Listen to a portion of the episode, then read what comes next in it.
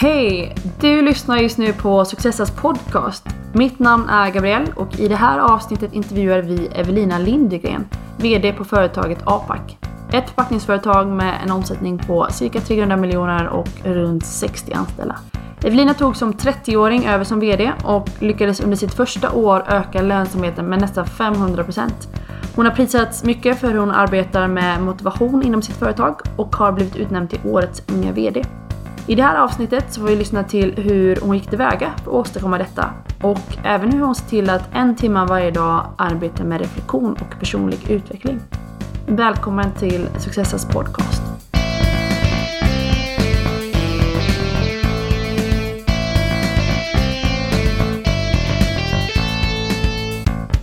Hej!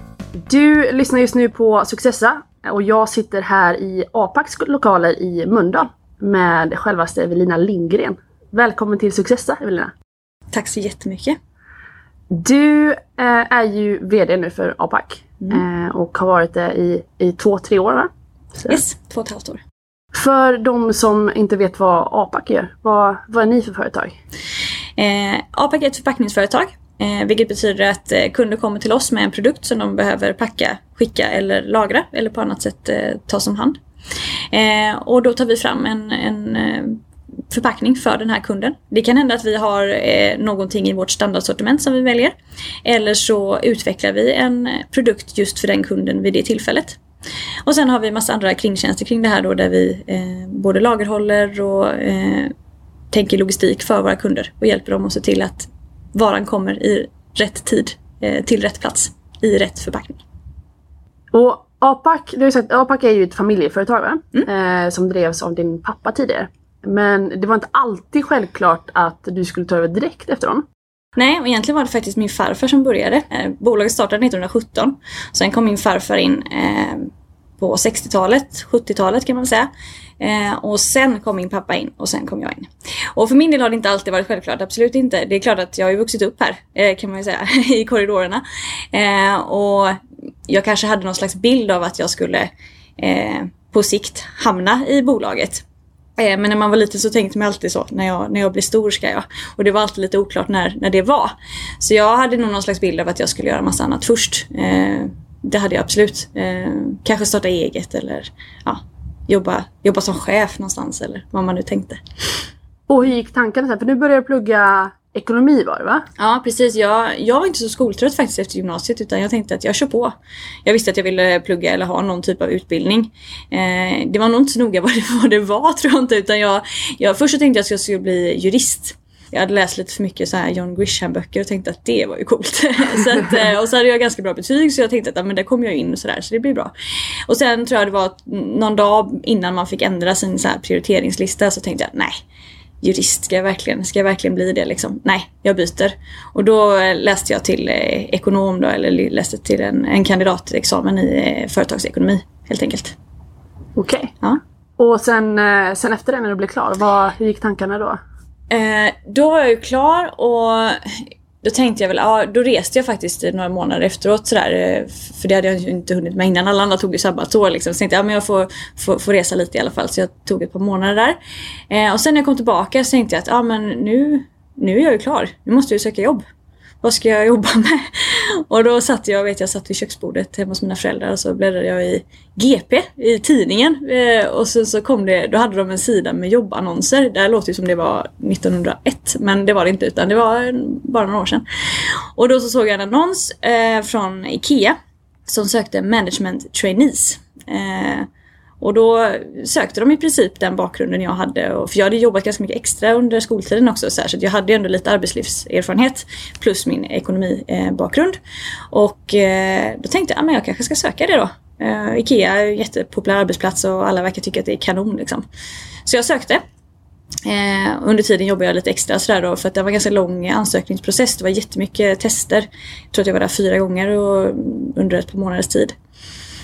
Eh, och jag, det var jättemånga, jag tror det var 500 sökande och en tjänst. Eh, och sen ringde de mig och sa ja ah, men vi vill leta att du börjar här. Och jag tänkte åh herregud. Jag trodde nog kanske inte att jag skulle få det heller så att jag bara hängde liksom på. Och så fick jag den här tjänsten och sen så eh, eh kom jag dit då första dagen. Och redan första dagen när de visade mig eh, stämpelklockan så fick jag lite så här Åh herregud, ska jag vara här? Och sen så visade de mig ett rum där man fick, eh, där man fick gå in och skriva upp om man skulle ta pennor och sådana här saker. Och jag var ju van härifrån liksom där man så här där man gick och tog lite pennor och man kom och gick som man ville. Och inte på ett, eh, inte på ett, eh, liksom ett eh, nonchalant sätt utan bara att jag hade känt mig mycket friare innan. Så ganska snart där efter ett par dagar så tänkte jag så här, herregud, är det här jag, är det här jag vill vara liksom? Eh, och så insåg jag väl kanske också att jag hade blivit ganska präglad av den här liksom, uppväxten i den här företagarmiljön. Och det var ju här jag hade jobbat extra hela tiden så att jag var ju van vid det. Och när då kom till den här miljardkoncernen liksom, som, som var någon annans dröm, eh, då tänkte jag att nej, det här kommer inte, de ska inte satsa på mig, det är bättre att de tar någon annan ur den här fantastiska gruppen människor som har sökt. Liksom. Så att jag sa det, det här är inte rätt för mig. Eh, klart att de blev besvikna men jag tror ändå att de uppskattade att jag var så pass ärlig så tidigt istället för att skicka mig på massa dyra utbildningar och sådär. För du stannade där i, var det två veckor? Två veckor, ja. jajamän. ja, och det, och det är ju minst sagt en ganska, det är ganska kort tid. Ja. Eh, hur, gick, hur gick tankarna då? Var det ett tufft beslut? Eller hur, ja, hur för jag, jag hade ju många runt omkring mig också så här som, som eh, eh, att, att det är alltid tufft i början liksom om man säger så här, men du får ge det lite tid och du får lite tålamod och sådär. Och jag tänkte ju de tankarna också att det kanske bara är liksom så här det är i början. Eh, men min magkänsla sa att nej, det är inte här du ska vara. Och då eh, valde jag faktiskt att gå på den. Och jag tror att det är, jag är liksom uppvuxen med föräldrar som alltid varit såhär, men gör det som känns rätt liksom. Gå på magkänslan. Och då tänkte jag, men då måste jag faktiskt göra det. Så jag sa upp mig. Jag hade ju inget annat jobb eller något sånt utan jag fick ju så här, ja ja. Eh, fick hitta på något annat. Och som tur var så det får man också säga, det är klart att det har varit fantastiskt att ha. Jag har ju alltid kunnat vara här. Eh, liksom, även om inte jag jobbade heltid så kunde jag alltid jobba lite extra och hjälpa till där det behövdes. Så när jag hade slutat efter ett par veckor där så, så eh, började jag ju här igen då. Eh, lite extra vid sidan om liksom. Och då har du sagt innan att det var, det var lite så här, men jag, jag kan börja här och så, så, så ser vi vad vi hittar under tiden. Ja, ja men precis för då tänkte jag men så här, men jag ska starta eget. Jag kan jobba lite extra här och sen så får jag komma på min briljanta affärsidé. Liksom. Eh, jag visste inte riktigt vad det var men jag tänkte att det ska jag komma på. Um, så men så jag, jag funderade och så visste jag inte riktigt och jag trivdes ju superbra här liksom. Eh, jobbade som kundsupport, eh, fortfarande ett av de roligaste jobben jag någonsin haft liksom. Eh, tycker jag fortfarande. Hoppar gärna in där när det liksom eh, behövs. Eh, och då så hade vi en, en inhyrd eh, Eh, marknadschef vid det tillfället. Eh, och han kände mig sedan tidigare och han eh, sa, frågade mig om inte jag ville gå ut och äta middag med honom. Jag sa ja, det kan vi göra. Och så, så sa han att, men Evelina, varför ska du starta ett eget bolag? Du har ju ett bolag här liksom. Du har ju, din, din farfar och din pappa har drivit detta. Varför satsar du inte på detta? Och då var det som att, ja, herregud varför gör jag inte det? För då hade han en tjänst då, då hade han en, eh, en tjänst som supportchef som vi inte hade haft tidigare. Som han tyckte att jag skulle passa väldigt bra som. För jag hade jobbat som kundsupport i flera år liksom, till och från och sådär så jag hade rätt bra koll på det. Eh, och bra koll på bolaget. Så, och då bestämde jag mig där att, jo men varför inte? Jag, jag, jag tar det. Och eh, så ringde jag, ringde jag pappa och sa du jag har blivit erbjuden ett jobb här. och han visste faktiskt inte om det. Ja, eh, så att, eh, han, han har ju alltid sagt att ni får ut och liksom, pröva vingarna någon annanstans först. Liksom. Mm. Och det tror jag varit för att inte pressa oss också. Han, har varit mer, han hade ju nog gärna sett att vi alla började här med en gång men just för att inte lägga någon liksom, press på oss så sa han men ut och liksom, gör vad ni vill och så får ni se sen vad ni vill göra. Så sa jag det, men är det okej okay om jag, om jag börjar redan nu? och det var ju inga problem såklart. Eh, och då började jag. Sen hade jag inte något mål då med att liksom bli VD på något sätt utan det var nog bara att jag kände att här, nu landar jag. Nu, nu blir jag supportchef här och det här är mitt liksom, riktiga jobb. Och så får vi se vad det, vad det blir av det. Och när kom eh, själva tankarna kring att men nu, jag kanske ska göra det här långsiktigt. Jag ska kanske ta över det här företaget efter, efter pappa? Då. Ja, alltså efter jag hade varit supportchef så har jag ju haft andra tjänster då, eh, även utan den tanken. Och det var egentligen för eh, efter några år så då var Åke då min pappa inte VD utan han, vi hade en extern VD. Eh, och det är ganska en utmaning i sig att ha i ett familjeägt bolag. Så i takt med att jag lärde mig mer och kom med i ledningsgruppen och sådär så, så såg, såg jag väl att det det fanns saker att göra eh, och det fanns saker och ting som, som saknades när det inte var någon av oss som, som hade liksom vd-rollen. Eh, och vi, jag tror inte att bolaget då var redo att ha en extern VD heller.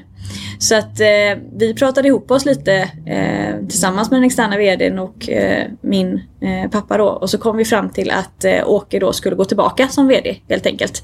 Och att jag skulle bli eh, VD-trainee som jag döpte mig själv till.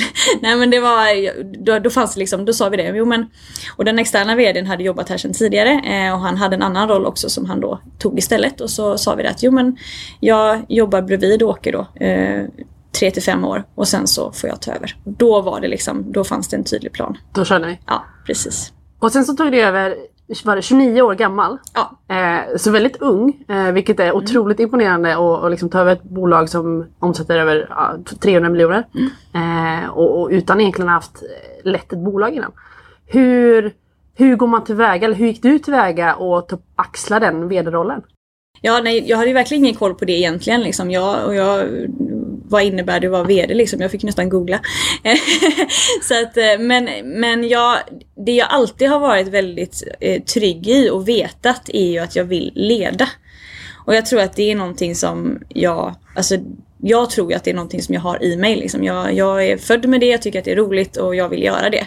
Så det var ganska naturligt ändå att jag började då lite innan den här liksom, 1 januari 2015 liksom fundera över okej okay, nu är det dags för mig att vara i, i ledarrollen på riktigt. Vad, vad vill jag med bolaget? Eh, för att bara ta över och liksom driva någon annans affärsidé eller bara liksom bara vara VD, det låg liksom inte riktigt för mig utan jag Det var väldigt viktigt att fundera över vad var ska vi nu? Eh, Åke och min farfar har tagit bolaget hit och nu är det dags för mig. Liksom. Jag, jag är 29, jag kommer ju vara här ganska länge så att vad, vad ska vi hinna med på de här liksom, 40-50 åren som jag har framför mig? Det är ju en evighet liksom. Eh, så jag gjorde upp egentligen, man kan väl säga att jag gjorde en affärsplan. Eh, det låter ju otroligt avancerat, det var det inte. Det är en powerpoint som ser ut som en mindmap. Så det är liksom eh, där jag egentligen skrev ner så här, vad vill jag att bolaget ska ta sig? Och sen så eh, funderade jag över vad jag trodde det var som skulle ta oss dit. Alltså vilka nyckelfaktorer, vad tror jag är det som gör ett bolag framgångsrikt liksom. Och det här, här läste det, alltså jag läste inga böcker om detta utan det här var ju bara mina egna tankar och liksom eh, magkänsla och den erfarenheten jag hittills har samlat på mig då. Och sen sammanställde jag allt det och så blev det den här eh, mindmappen då som hänger lite överallt här på bolaget och som är mm. liksom våran Eh, det vi jobbar utifrån egentligen. Det behöver inte vara så himla avancerat heller. Och sen så tog jag den här och så eh, när jag då liksom tog över rollen så hade jag ett jättestort eh, informationsmöte där alla var med som är anställda här. Och så presenterade jag den här och hur jag såg på eh, nuläget och framtiden och eh, vart jag trodde att vi skulle ta oss. Och så körde vi igång. Och sen har jag haft massa idéer om hur man ska göra det här och eh, hur, man, hur man blir effektiv och hur man får resultat. Eh, som vi har jobbat med under de här två och ett halvt åren då, som har visat sig vara riktigt bra. Och var hittar du eh, din inspiration nu? Du säger tidigare så var det mer magkänsla och egna tankar. Så är det fortfarande det? Dina egna erfarenheter eller är det Eh, ja. På vilket sätt tar du, guidas du som, som VD? Eh, det är mycket mitt eget liksom. Eh, men jag har ju hämtat, klart att jag har ju lärt mig jättemycket från, från eh, liksom både farfar och Åke, hur man, vad de har haft för liksom företagsfilosofi. Eh, både farfar och pappa har ju, hade ju väldigt tidigt, alltså redan då på 70-talet, någon slags bild av att det ska vara roligt att gå till jobbet och sådär. Och det var ju ganska tidigt. Eh, så jag har ju vuxit upp med det. Så det är klart att mycket av det som, som jag tänker är, är självklart, det kanske inte är självklart för alla utan det är något som jag har fått med mig. Så det är lite svårt att skilja på vad som är eh, mitt eget och vad man har snappat upp. Och sen inspireras jag av alla människor här. Liksom. Det, det, eh, när vi tar in nya människor så kommer det alltid nya kompetenser som, som inte har samma bakgrund som jag har som man kan lära sig någonting av. Så det är nog ett hopplock av, av mycket tror jag mm. eh, som ligger bakom. Och nu har du haft som sagt vd-rollen i två och ett halvt år. Eh, mm. Och det har gått väldigt bra, både för bolaget i sig men även för dig personligen med, med en rad utmärkelser och uppmärksamhet. Sådär. Vad, nu liksom i hindsight, vad, vad har varit nyckelfaktorerna för, för att lyckas med det du gjort? Eh, jag tror att givetvis så är det mycket omständigheter också som har spelat roll men om man tar ur mitt eget perspektiv, alltså mitt personliga perspektiv, så har det handlat om att jag har ett oerhört stort engagemang och jag brinner för detta och jag är väldigt inspirerad att göra det jag gör. Och sånt tror jag smittar av sig. Eh, om, om, om jag inte hade brunnit för detta, om det hade varit ett, bara ett jobb för mig så tror jag det hade varit svårare att få igenom de sakerna som jag, som jag har tänkt. Så att jag tror att engagemanget och, och, och att jag brinner för det är väldigt, väldigt viktigt. Men sen är det också ett projekt som har pågått under lång tid. Vi har gjort mycket under de här två och ett halvt åren. Men redan innan så har vi ju tänkt väldigt mycket på att vi vill bygga det här bolaget med eh, den här entreprenörsandan och de här människorna som nu är här. Och det är ju en process att hitta. För det som är helt avgörande är ju också vilka människor som väljer att arbeta i bolaget. Och för att hitta rätt människor för rätt bolag så måste man ha en ganska tydlig organisationskultur. Man måste ju veta vem man är för att kunna attrahera rätt. Det är ju liksom en matchningsprocess, det är ju som en relation. Och jag tror att innan har vi varit lite osäkra på vilka vi har varit och då kanske man inte alltid hittar människor som, som passar med oss. Så att vi har blivit väldigt mycket bättre på att veta vilka vi är eh, och på så sätt också ta in människor som verkligen vill vara här och trivs här. Så att deras kompetenser verkligen får chansen att blomma ut liksom. Så jag skulle säga att en annan nyckelfaktor har varit att de människorna som nu är här får vara sitt allra bästa jag. Och när människor får vara sitt allra allra bästa jag, då blir det väldigt bra resultat också. Och hur gör man det? Hur ser, man till, hur ser ni till då? Att alla får vara sitt allra bästa jag här? Jag tror att det handlar om, om man då har, man måste ju ställa krav också. Det är inte bara att man säger här kom och, kom och lek med oss liksom. Utan det handlar ju om att vi vet väldigt tydligt vart vi vill som bolag. Vi har väldigt tydligt satta mål eh, och vi har ett väldigt högt krav på eh, människors engagemang. Liksom. Alltså för det, det krävs om jag är väldigt engagerad eh, så kommer jag ju vilja att alla andra människor också är väldigt engagerade. Men om människorna är engagerade så kommer man också få väldigt mycket tillbaka. Eh, och då gäller det då när man hittar, ska hitta nya människor att anställa så behöver man ju tala om det och vara tydlig med det. Att det här, är, det här kan du få här. Du kan få utvecklas, du kan få möjlighet att växa, du kommer få väldigt mycket frihet. Men det kommer också krävas väldigt mycket engagemang. Är det, är det någonting som du är beredd att Liksom, är det den typen av jobb du vill ha? Och på så sätt, är man tydlig med det så hittar man ju, det finns jättemycket människor som tycker att detta är en, en drömarbetsplats men det finns också väldigt många människor som aldrig skulle tycka att det var kul att vara här. Så jag tror att vi har liksom blivit bättre på att, att vara tydliga med det i, i rekryteringsprocesser och även vara tydliga mot, mot alla som arbetar här vad som, vad, vilka spelregler som gäller. Eh, och tydlighet är bra. Det är också en, någonting som har gjort att, att vi har tagit oss dit vi är idag tror jag. Och du har också sagt att du fokuserar väldigt mycket på att arbeta med din egen personliga utveckling. Mm. På, på vilket sätt gör du det? Eh, ja, det, här, det gör jag ju verkligen. Eh, och har framförallt gjort de senaste 6-7 åren kanske. Eh, och idag ser det ut så egentligen att jag har en timme varje dag som bara är min egen tid liksom. Det är inga telefoner och inga podcasts och inga lurar och ingenting sånt utan det är liksom eh, bara jag. Eh, och på den här timmen så liksom lägger jag tid och energi på att eh, vad ska man säga, gå igenom dagen och rensa. För varje dag så man bygger ju på, det händer ju saker varje dag. Och man bygger ju på sig med både positiva och negativa upplevelser under dagen. Det händer ju saker hela tiden på vilken arbetsplats som helst. Eh, och på den här timmen då som jag brukar ha då på eftermiddagen och kvällen så går jag liksom igenom det som har hänt under dagen. Att eh, ja, men det här var riktigt bra, det här tar jag med mig. Det här kan jag kanske göra mer av eller jag kanske kan göra så här. Och sen så ser jag också, och det här är nästan det viktigaste, så ser jag till att gå igenom alla de sakerna som har hänt som kanske inte blivit riktigt som jag hade tänkt eller som inte var i ögonblicket så positiva. För att se till att liksom rensa bort dem så att de inte hänger med mig till dagen efter. Eh, så att om det då har hänt, eh, jag kanske har haft en eh, en diskussion med någonting om någonting som har blivit fel. Och så blev inte den diskussionen så bra som jag ville. Då får jag liksom säga, okej, okay, varför blev det inte så bra som jag ville? Nej men jag hade inte ätit lunch. Eh, jag var irriterad, jag, liksom, jag hade för bråttom. Det kan ju vara tusen saker som... Och så får man ju se till då att lära sig av den situationen. Okej, nästa gång så ska jag se till att ha ätit lunch, jag ska inte ha bråttom, jag måste ta det på det här sättet och, och så vidare. och Så vidare. Så att hela idén med det är ju att liksom, när dagen är slut så ska jag nästa dag börja om på noll igen. Lite smartare och lite eh, mer genomtänkt. För då blir man hela tiden bättre liksom, på det man gör. Eh, plus att man inte bär med sig en massa saker då som, som man annars kan göra. Hur är det lätt att få in den här timmen? Jag tänker att VD, då, det, då kommer en del saker på ditt bord dag. Liksom. Hur... Nej, det, det är supersvårt. Ja. Alltså, och det, det, här är det för alla människor. Jag har ju pratat, eh, jag har ju för, föreläst lite grann och sådär och då är det många som frågar så här, men vadå, vad ska man få den timmen ifrån? Och vi människor har ju en tendens att liksom inte prioritera oss själva och hitta ursäkter för det här. Det är samma med träning egentligen. Om du är en människa som inte tränar och ska börja träna. Du hittar ju tusen liksom, ursäkter för att inte göra det. Och så, så var det i början också innan jag, liksom, innan jag kom in i det. Så det. Och det kan ju fortfarande vara så att man bara, åh ska jag inte åka hem och kolla en film istället. Men det är egentligen det är självdisciplin i det läget plus att jag vet att efteråt så blir det så himla mycket bättre. Alltså jag, det ger så mycket tillbaka. Och att det är en förutsättning för att jag ska fortsätta kunna vara en, en bra ledare och en, en bra person. Liksom. Eh, en glad person som kan fortsätta inspirera och leda. Intressant. Mm. Du har också sagt att du använder en coach eh, i, i den här personliga utvecklingen. På, på vilket sätt då? Eh, det var egentligen när jag träffade honom eh, som, som jag började med detta.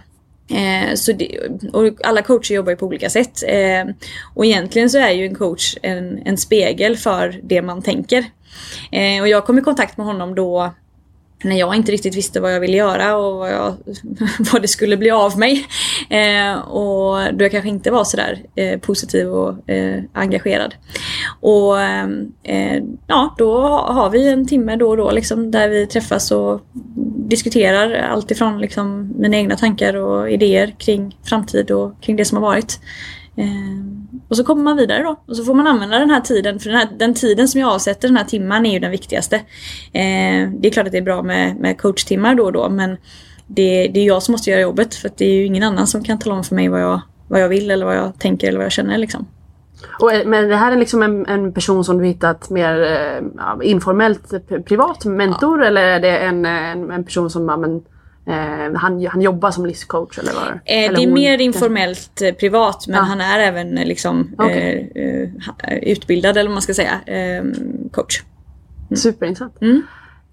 och det leder in lite kan man säga på på en annan bit här. För det, det, det är ju en sak med framgång och du har ju uppenbarligen eh, lyckats jättebra med allting du gjort. Eh, men det är ju inte alltid så att, att liksom, livet känns såklart och det är exakt det jag ska göra och dans på rosor och hela den balletten. Finns det någon period som du känt bara, men det här, nu är det riktigt motigt eller nu är det riktigt jobbigt? Ja absolut, eh, det gör det ju. Och eh, och jag kan säga, inte nu de senaste åren då i och med att, att jag har haft ett annat sätt att tänka. Men om man då spolar tillbaka där när jag träffade eh, och började med den här eh, timman och det här då när jag var typ 25 då kanske. Då var jag inne i en period där det verkligen inte var så roligt liksom. Eh, och absolut inte att jag var deprimerad på något sätt men, men alla människor har ju olika liksom, tider i livet och min tid då var väl att jag kände att eh, jag hade ett superbra jobb Eh, och jag hade liksom, jag, jag, hade allt som jag trodde att jag behövde. Jag hade boende, relation, eh, jobbet, frihet, eh, bra ekonomiska förutsättningar. Alltså allt var liksom tipptopp. Eh, och i min värld så var det det man behövde för att vara nöjd och glad. Eh, men så var jag inte det. Och då blir det väldigt svårt liksom, för jag är en väldigt jag tror många, många är ganska drivna. Liksom. Man vill mycket och man tänker att man måste fixa saker och ting när det inte går som man vill. Så jag var ju såhär, men vad ska jag göra nu då? Hur, hur fixar man det här? Liksom? Och vad kan jag göra? Och efter ett tag så insåg jag väl där då att jag försökte ju ändra på mycket saker. Jag tänkte att jag kanske får byta jobb då eller jag kanske får flytta eller jag kanske liksom, alltså det var ju många så här, man försökte hitta lösningar liksom. Men inget av det här hjälpte utan det blev ju tvärtom ganska, det blev nästan sämre eh, sådär. Och då kom jag väl till en punkt där jag insåg att liksom att jag försökte att fixa liksom mitt eget välmående genom alla yttre faktorer hela tiden. Eh, och det tror jag är supervanligt att man gör. Liksom, att man att man försöker fixa omgivningen istället för sig själv. Liksom. Och när jag insåg det då att okej, okay, det, är inte, det är inte saker runt omkring mig som behöver ändras utan det är jag som behöver liksom, eh, ändra på mig. Då träffade jag den här coachen och det var ganska vältajmat då för då insåg jag att jag behöver ju liksom ändra mitt sätt att tänka. Jag behöver ju ta reda på vad jag själv vill och jag behöver, liksom, jag behöver jobba med mig själv och min utveckling. Eh, och då började jag den här resan och det är ju supertufft. Alltså det är ju, har ju inte alls varit eh, en dans på rosor bara så ah, nu kör jag en timme per dag, jag är jätteglad och check och allting går superbra. Utan det är ett jättejobb man får göra. Eh, och jag tror att det är det som också hindrar många från att göra det. Att det kan vara lite kämpigt ibland liksom. Men eh, jag är så glad att jag har gjort det för det är ju det som gör att jag, att jag sitter här idag. Liksom. Så att, och det är det som gör att jag eh, nu tycker att allting är hur bra som helst. Jämt. Intressant. Mm. Och du ser nyckeln liksom i, i det hela var inte att ändra de yttre faktorerna utan ditt sätt att tänka. Mm. På, på vilket sätt ändrade du tankesättet eller perspektivet? Nej men jag brukar säga det att vi, vi människor tänker ju, eh, jag tror det är typ 60 000 tankar per dag eller sånt där. Och jag tror att jag innan gick omkring och tänkte att att, eller jag, jag, tror att jag lät tankarna styra mig väldigt mycket. Att det som dök upp, det var liksom verkligheten. Men det som jag har gjort egentligen är väl att, att både lära mig och också förstå att det är ju det är vi som styr våra egna tankar. Och det är tankarna som styr hur vi mår. Um, och om man då tänker bra tankar, positiva tankar, kreativa tankar så är det också de resultaten man kommer att få. Sen så har vi alla människor en liten röst inom oss som säger att uh, det där kommer inte gå eller varför nu, nu är det, går det lite för bra här eller nu är det lite för roligt och sådär. Och då har det också varit en väldigt stor process att inte lyssna på den rösten utan hela tiden gå på, på det, här, det här positiva liksom och, och kreativa. Eh, så det har väl varit den absoluta liksom, kärnan i det egentligen. Att, att, lära, att lära sig och förstå att jag styr vad jag tänker och det jag tänker det, det är jag och det är det som blir. Liksom. Det låter lite flummigt kanske men det är ganska, det är ganska egentligen vetenskapligt om man säger. Det finns ju inget... Eh, om, om man går runt och tänker att saker och ting är, är tråkigt och, och deppigt. Då är det ju det du kommer att känna liksom. Tänk, ler jag och tänker att det här är ju superkul. Ja men då är det det. Men det krävs liksom Det krävs ju ganska mycket övning för att göra detta. Eh, men om man gör det så får man ganska bra resultat. Intressant. Eh, från dina år som, eh, som både vice VD och VD eh, och även åren innan där. Eh, vad, vad har du tagit med dig därifrån som du tänker det här, det här har jag verkligen lärt mig och det här önskar jag att jag visste för fem år sedan? Eh, att ha tålamod. Jaså? Ja, alla dagar i veckan.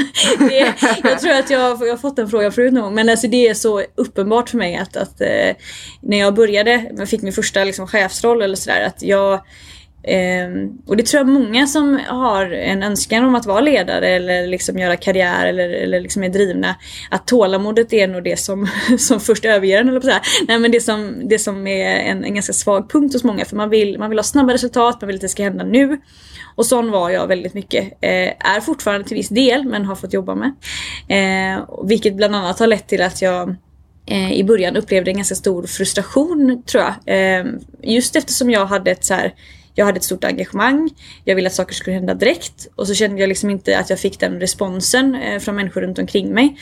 Så istället för att liksom ha ett positivt engagemang så blev jag ganska sådär frustrerad istället. Liksom, vilket ledde till en stress för mig själv. Och en stressad ledare som, som verkar frustrerad är ju inte så här supercharmig liksom. Så att då får man inget bra resultat heller. Så att eh, jag har fått jobba jättemycket med, med tålamodet i form av att låta ta, saker och ting ta tid. Liksom. Att om jag vill en sak så, så får jag ha en riktning och sen så får jag jobba liksom, systematiskt och successivt för att nå dit. Det kommer ta eh, ett halvår för vissa att ta sig dit. Det kommer ta en vecka för några andra. Men jag måste vänta så att alla är med. För annars, ja, då kommer det inte bli som jag vill ändå. Liksom. Och sen har jag också fått lära mig att liksom, låta saker och ting, alltså mina beslut då som jag fattar innan, jag kan ju fatta snabba beslut idag också. Men jag är bättre på att känna in dem lite mer innan jag liksom väl tar beslutet. För innan kunde jag vara så här, oh, det här måste vi ändra på, vi gör så här. Och så gick det en vecka så insåg jag att, nah, kanske skulle tänkt lite till. Så det har jag också fått lära mig under de här åren att jag behöver ibland liksom sova på saker och ting och inte vara så på det liksom innan jag, eh, innan jag säger ja eller nej. Eh, men det är ju fortfarande en övningsfråga. Jag kan ju fortfarande idag bli så här, vi måste göra det nu, vi måste göra det nu. Och sen så bara, oh, lugn och fin. Lugn och fin. Det är då den här timman kommer, det är då den här timman kommer bra till pass liksom. Att bara säga, okej, okay, idag kände jag mig väldigt frustrerad över att det här tar lång tid. Men jag får sova på det tills imorgon och så får vi se hur det känns då. Och det är väldigt bra. Jättebra. Så det önskar jag faktiskt att jag hade vetat eh, tidigare för jag tror att jag hade kunnat eh, eh, göra ännu mer eh, om jag hade vetat det. Men man lär sig länge man lever. Så att, eh, kan någon annan ta med sig det så är det ju en, ett bra tips. ett syfte med den här podden eh, är ju att lyfta, eller syftet ska jag säga, med den här podden är ju att eh, lyfta duktiga unga kvinnor. Finns det någon kvinna som har inspirerat dig väldigt mycket eller som inspirerar dig väldigt mycket? Det finns väldigt många människor överlag skulle jag säga som inspirerar mig väldigt mycket. Men jag har aldrig haft någon sån här det här, det här är den personen. Egentligen förutom kanske min pappa då som har ju varit en, liksom en ledstjärna sådär. Eh, men jag tycker det är väldigt roligt att följa eh, olika kvinnor som, som, som lyckas på olika sätt. Eh, och nu det senaste har jag varit väldigt fascinerad över eh, Sara Sjöström bland annat. Eh, liksom en, eh, en tjej som är född 93 som börjar tävla som 14-åring eller som börjar lyckas på tävlingar som 14-åring och liksom vinner allt eh, när hon är 25 år gammal. Liksom. Hur tänker man då? Vad, vad blir nästa steg för en sån person? Så eh, hon är superhäftig tycker jag. Eh, och sen finns det jättemånga eh, eh, människor men jag har liksom ingen sådär, ingen, ingen som jag kan nämna vid namn så som jag tycker är wow. Det finns så många. Evelina, det har varit superkul att prata med dig. Eh, jag eh, kommer verkligen ta med mig massa grejer härifrån det här samtalet och önskar dig all lycka till både på ett personligt plan men också med APAC i framtiden. Tack så jättemycket för att jag fick vara med. Det var väldigt roligt.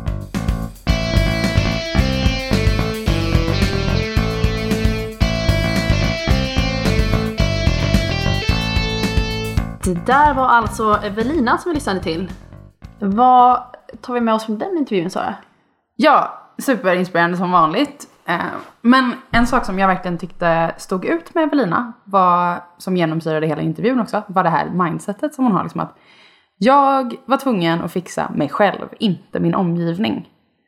Och, och, inte bara det, utan att hon också verkligen har tagit tag i det här och gjort detta till en del av sitt liv där hon tar den här timmen varje dag.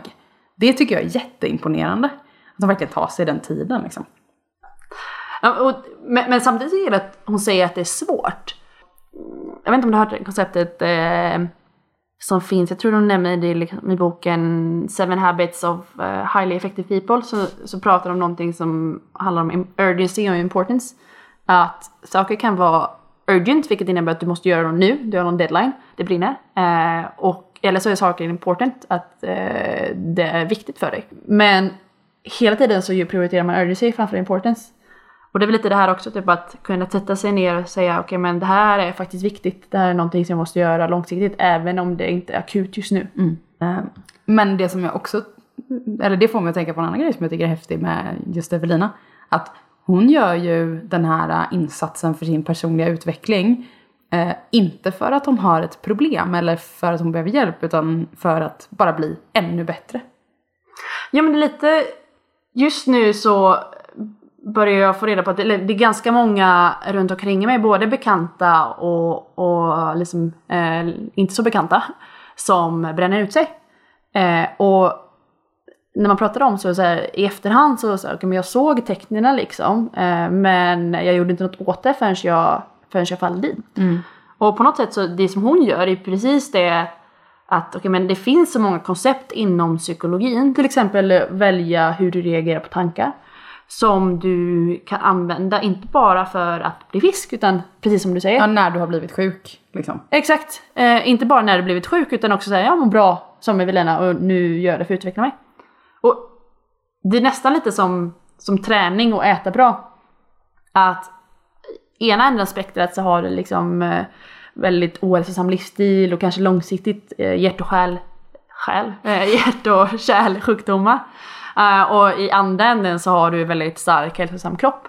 Och någonstans på det spektret så, så här, det slutar ju vara det slutar ju vara en sjukdom efter ett tag.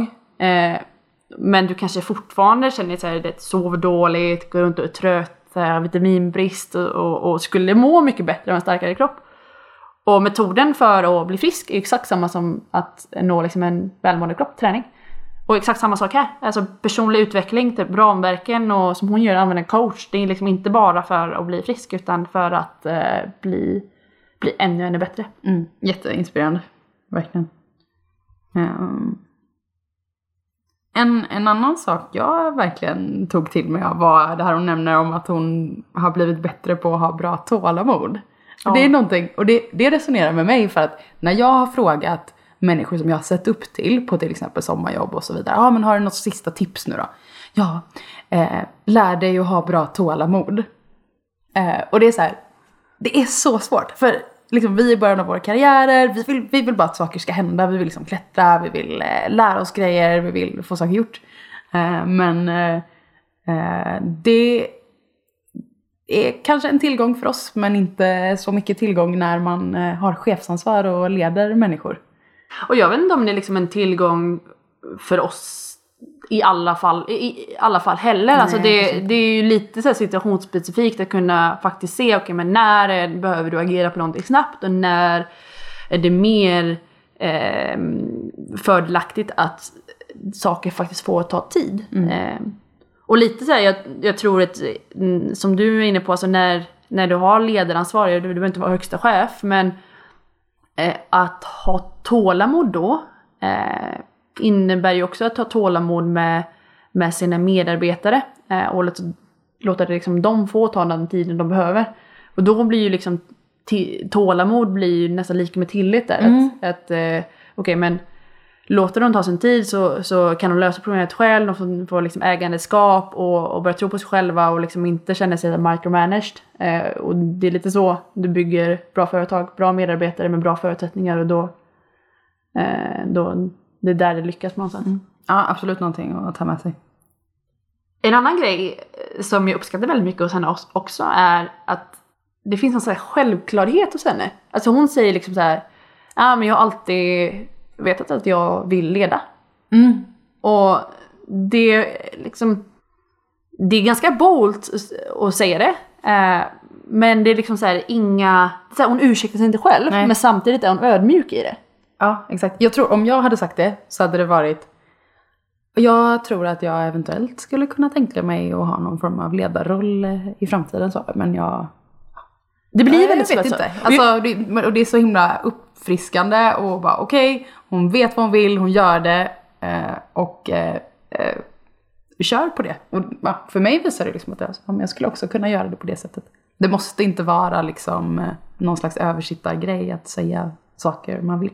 Kan Jag tror, att det, jag tror att det är just det som gör att man kanske ibland säger det på sånt sätt att man tror att man måste baka in det i ord för att det ska vara ödmjukt och man inte ska, ska verka liksom en, eh, ha hybris eller någonting. Mm. Eh, men hon visar ju på att uppenbarligen så inte, det är inte det som behövs. Mm.